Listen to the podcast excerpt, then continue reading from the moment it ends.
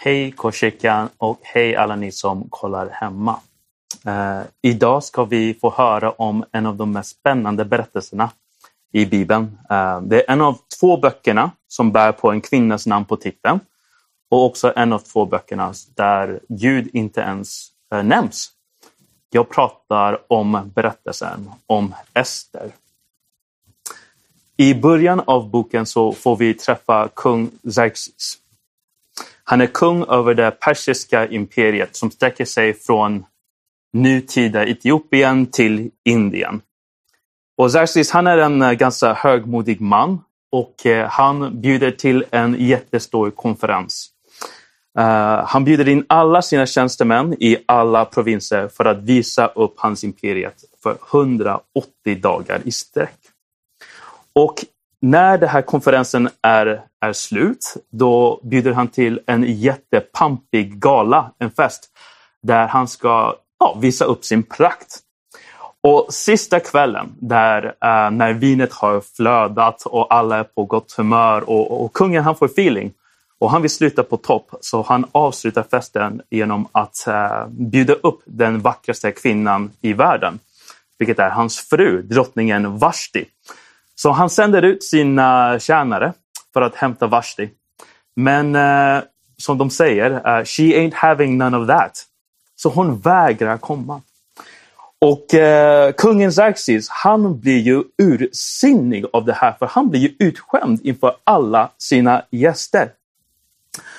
Så Xerxes och hans råd eh, lagför att alla kvinnor ska underordna sina män i hela Persien.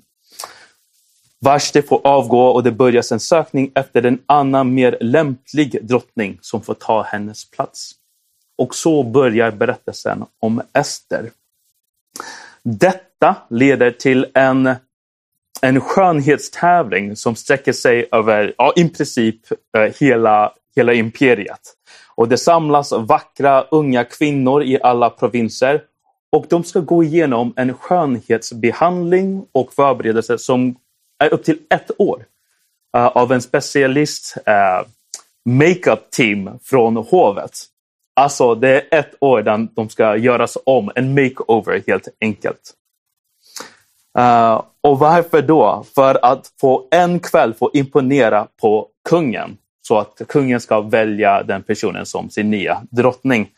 Det blir som en uråldrig persisk version av The Bachelor, så att säga. Och då får vi möta Mordecai och Ester. Ester är en föräldralös flicka som hennes släkt Mordecai, som, eh, som hennes släkt eh, Mordecai tog in som sin egen dotter. Mordecai är en tjänsteman som, eh, tjänsteman som tjänar vid borgens entré. Och eh, han var en trogen tjänsteman och en gång han till och med avslöjade en, en plan för att eh, störta kungen och räddade Xerxes liv. Den lilla detaljen är viktig för resten av berättelsen. Ester beskrivs som en väldigt vacker kvinna och kungen blir så tagen av henne att första gången han ser på henne så gör han henne till drottning direkt. Både Mordecai och Ester var judar, men efter judar var en liten och maktlös minoritet i det persiska riket så varnade Mordecai uh, eh, Ester att hon får aldrig avslöja hennes judisk identitet. Detta, detta förakt och hat för judar blir personifierad i den här karaktären Haman. Haman var Xerxes mest uppsatt tjänsteman. Och precis som Xerxes, han hade en enorm ego och eh, maktlystenhet. Det var till exempel brukligt att eh, när Haman kom in Eh, till borgen, då var alla tjänstemän i borgentré, de skulle buga inför eh, Haman och visa honom respekt och ära honom. Men det fanns en person som vägrade göra det och det var såklart Mordecai. Som trogen jude vägrade han buga inför en annan människa. Detta gjorde Haman ursinnig. Haman var en agagit, står det. Agagiter var ett folk som hade en långspänd historia mot eh, judar. Haman hatade inte bara eh, Haman hatade inte bara Mordecai utan alla judar och övertalade kung Xerxes att utrota hela folket från hans rike. Haman kastade lott, så kallad pur, eller i plural purim, för att bestämma vilken dag alla judar skulle utrotas. Lotten faller på den trettonde dagen på den tolfte månaden och då börjar nedräkningen till judarnas förintelse. Hela judiska befolkningen skingrade genom det persiska imperiet, sörjde, fastade och klagade. Mordecai klädde sig i säck och aska och klagade högljutt utanför kungens port. Och man kunde på något sätt få tillgång till kungen för att vädja för hans folk. Ester. Ester. Hon kunde vädja till kungen, tänkte Mordecai. Men Ester själv var tveksam. Det var nämligen så att ingen fick själv komma inför Xerxes om inte den blev själv kallad. Och om inte Xerxes visade nåd och sträckte sin gyllene spira mot den som kom, då fanns det bara en utgång utifrån den här överträdelsen och det var döden. Och, då, och nu kommer den här avgörande bibeltexten som boken är känd för i Mordecais svar till Ester.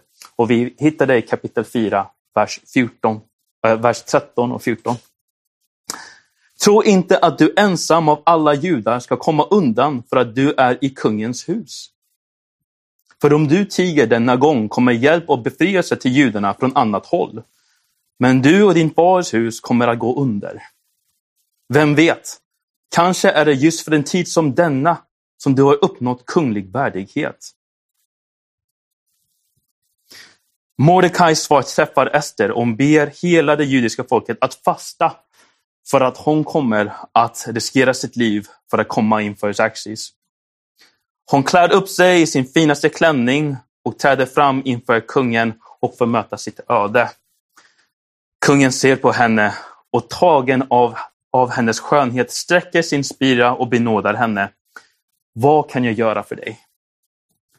Istället för att direkt avslöja och, och uh, sin agenda och vädja för sitt folk så bjuder hon kungen och Haman till två fester till deras ära. Hon spelar deras storhetsvansinne emot dem. Haman äter upp det och tycker att, eh, att han är helt inne med det kungliga paret. Han är helt oviss om att Ester är en jude. Men även mitt i denna upprymdhet kan inte Haman släppa Mordecais skymf varje dag där han går inför borgen så får han se där bara, kolla på honom och inte buga. Han blir så arg. Så han får en idé av sin fru när han får berätta sin frustration. Och hon föreslår att han kan resa upp en påle som är 25 meter lång ute i hans gård och hänga Mordecai där. Och då ska hela världen, hela imperiet, alla ska få se så händer det till den som förelämpar Haman. Det enda som saknades var att få kungens godkännande. Men samma kväll som Haman tänker ut sin plan mot Mordecai får kungen särskilt sömnbesvär. Han kan inte sova. Han ber sina tjänare att läsa från de kungliga krönikorna och få höra om gången då Mordecai räddade hans liv. Vad har gjorts för att ära och upphöja Mordecai för det här? Tjänaren svarar ingenting, i högsta majestät. Samtidigt så kommer Haman in till kungens gård för att fråga om han får hänga Mordecai. Haman, frågade kungen, vad ska man göra för den man som kungen vill hedra? Haman såklart trodde att kungen syftade på honom. Så han berättade vad han ville själv eh, få från kungen. Och han sa, klä mannen med kungens kläder och låta honom rida kungens häst och leda honom genom staden och ropa ut. Se, så här gör man med den person som kungen vill hedra. Fantastiskt förslag, kungen sa. Gör så med juden Mordecai. Och så har man fått klä upp Mordecai i kungliga kläder. Han får resa honom upp till, den, till kungens häst och han får leda hästen och Mordecai genom staden och säga Se Mordecai, se hur kungen gör för att hedra den här mannen. Rampljuset och äran som Haman så, så desperat sökte för sig själv skänks nu till Mordecai, hans, hans fiende. det här såklart äter upp Haman inombords. Men det finns ingen tid att älta över det här för nu måste han iväg till den andra, Eh, andra dagen på den här stora festen som Ester bjuder till.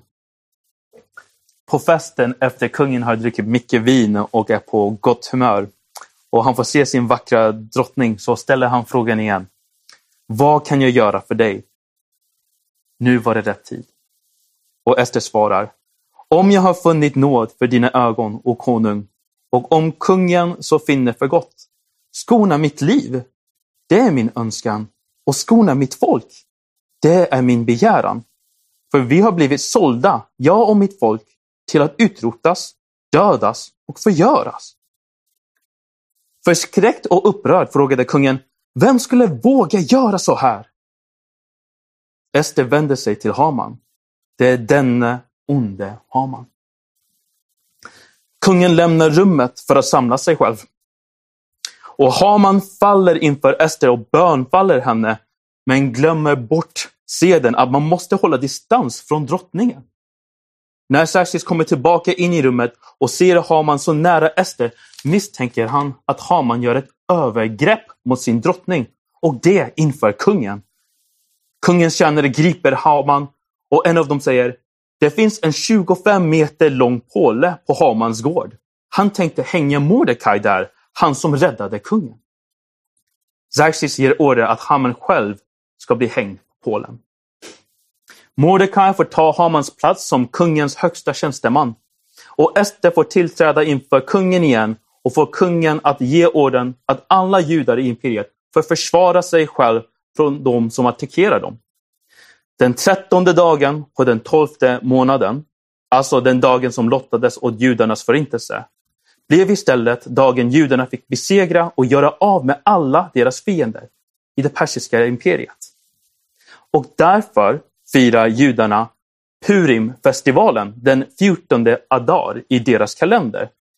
För den lotten som föll för judarnas förintelse vände Gud för att rädda judarna och förinta istället deras fiender. Han vände deras fastan till fest. En liten rolig eh, fakta. När de firar Purim idag så har de små bakelser som är trehörnig som heter hamatashan, hamantashan och det betyder Hamans öron. Trots att det här är en 2500 år gammal bok från en främmande kultur så häpnas jag över hur mycket som beskrivs som, bestäm, som stämmer in i vår tid. Det målas upp en värld där en liten elitgrupp av mäktiga män som verkar styra folkets öder. Där maktmissbruk, objektifiering av kvinnor och rasism är en daglig vana. Jag önskar att jag kunde säga att det här är långt ifrån den världen vi lever i. Men tyvärr är dessa fortfarande aktuella systematiska förutsättningar vi befinner oss i. Detta leder till min första punkt, uh, första lärdom från den här berättelsen. Bibelns berättelser, alltså Guds tilltal, sker inte i en ideal värld.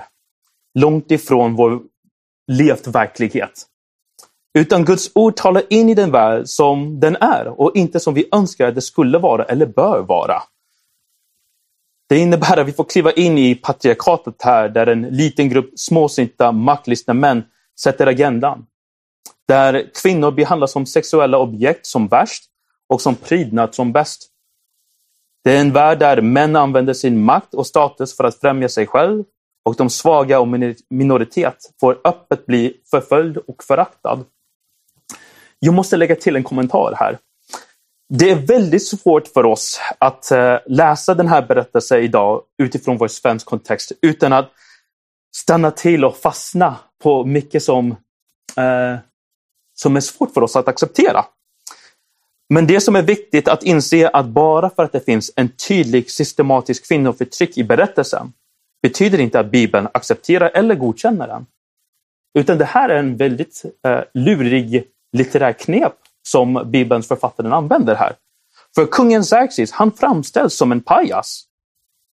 Tänk på det här. Den som är den så kallade mäktigaste mannen i hela världen, han har ingen makt över sin fru. Hon kan helt enkelt vägra att lyssna. Och det gör honom så fruktansvärt arg och skräckslagen att hotet av olydiga kvinnor det gör att han måste införa nya lagar över hela sitt imperium. Det är en liten man som är rädd och osäker som vi får se. Det är egentligen Ester som spelar ut Xerxes och Haman och använder deras fåfänga för hennes ädla syfte. På detta sätt underminerar denna berättelse patriarkatet och kvinnoförtryck. Nu, den andra punkten som jag ser tydligt i boken i Ester är att Gud är verksam bakom kulisserna för att rädda sitt folk. Genom berättelsen får vi se hur små enstaka sammanträffande det får leda till stora konsekvenser till slut som leder till folkets räddning. Tänk på drottningen Vashtis vägran att komma till kungen som öppnar upp platsen för Ester. Eller hur Xerxes kan inte sova just den kvällen där Haman planerar att döda Mordecai och istället blir påmind av att just det, det är just Mordecai som räddade hans liv. Trots att Gud nämns inte i hela boken så ser vi ändå tydligt spår av hans verksamhet genom hela berättelsen. Och är det inte ofta så i våra egna liv? Sällan eller aldrig får vi se bokstäver äh, skriven i eld uppe i himlen som leder oss äh, som leder oss in till framtiden. Vi får inte leva med den typen av säkerheten. Oftast är det bara efteråt när vi ser tillbaka att vi kan se hur de olika sammanträdandena i våra liv faktiskt visar på Guds försyn och ledning. Och är det egentligen det som det innebär att leva i tro? Inte en tvärsäkerhet om vad som kommer att hända och en tydlig ledning utan risk. Utan en liv där man litar på att Gud faktiskt leder, även när man inte ser honom. Den tredje punkt som jag tar till mig är att Gud använder individer som är villiga att lita på honom och ger sig till hans sak. Ester växte upp som en föräldralös flicka i en liten minoritetsgrupp. Plötsligt upphöjdes hon till drottning i den tidens största imperium. Hon kunde ha valt ett liv eh, av lyx.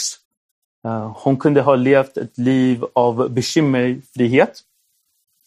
Men istället väljer hon att ge upp sin komfort och status, ja, till och med att riskera hennes liv för att tjäna Guds syfte.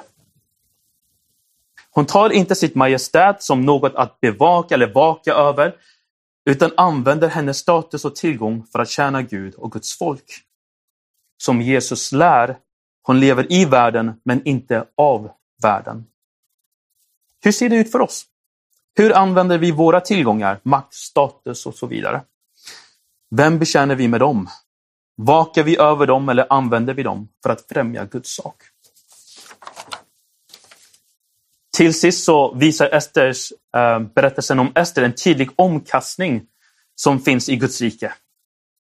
Det visar att rättvisa och upprättelse kommer till dem som litar på honom. De svaga och ödmjuka reser Gud upp och de stolta och mäktiga kommer han ödmjuka. Vi kanske ser det här tydligast i berättelsen med just karaktären av Haman. Han som hade en sån förakt till den maktlösa gruppen av judar i Persien. Han ville själv eh, bli klädd i kungens kläder. Han ville själv rida på hästen och få höra att så är mannen som kungen vill hedra. Men till slut så är det Haman som får leda Mordecai och Mordecais häst genom staden och proklamera och upphöja honom. Och trots att han själv ville döda Mordecai reste upp en 25 meters påle utanför hans hus för att visa för världen sin, sin makt och, och visa vad som händer till de som förolämpar honom. Så till slut så är det han själv som blir hängd på den pålen. Gud vänder fastan till fest för de som väntar och litar på honom.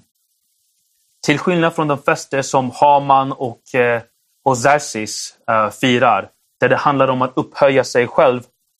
Guds fester ser till de svaga och maktlösa och firar Guds räddning. Och hela folket är inbjudna. Bara i Guds historia får en föräldralös flicka bli drottning som räddar hela folket. Som Jesus säger, i Guds rike de sista blir de första och de första blir de sista. Så vad säger berättelsen om Jesus? Jesus som kommer in i vår brusten värld och tar del av våra omständigheter. Jesus som inte vakade över sin härlighet utan kom till jorden för att tjäna och inte bli betjänad. Jesus som var villig att ge sitt liv. Att bli hängd på en påle för att förlåta och rädda de folket som föraktade honom. Satan trodde att han hade vunnit seger över Gud på korset. Ondskan, döden och alla mörkrets krafter firade när Jesus hängde på korset. Men när som Haman reste upp en påle för att döda Mordecai, Gud hade andra planer. Gud tog den ondskan, den redskap av ondskan som korset var och använde det istället för att rädda världen genom det. Korset blev istället där Gud besegrade fienden och friköpte mänskligheten från Satan och dödens makt och dom över henne. Korset är vår Purimsfestival, där Gud har vänt vår lott från döden till liv, från fasta till fest. Innan vi fortsätter och eh, lovsjunger Gud så vill jag be. Tack Gud för att du har kommit in till världen genom Jesus Kristus för att visa på ett rike som är uppåvänd. där de maktlösa och svaga kan få hopp. Tack att det finns upprättelse för dem som är själva maktlösa. Tack för att du själv tog del av den upp och ner riket när du själv kom som en tjänare. Tack för att du gav ditt liv för att vi skulle få liv. Vi prisar dig Gud. Vi ärar ditt namn. Amen.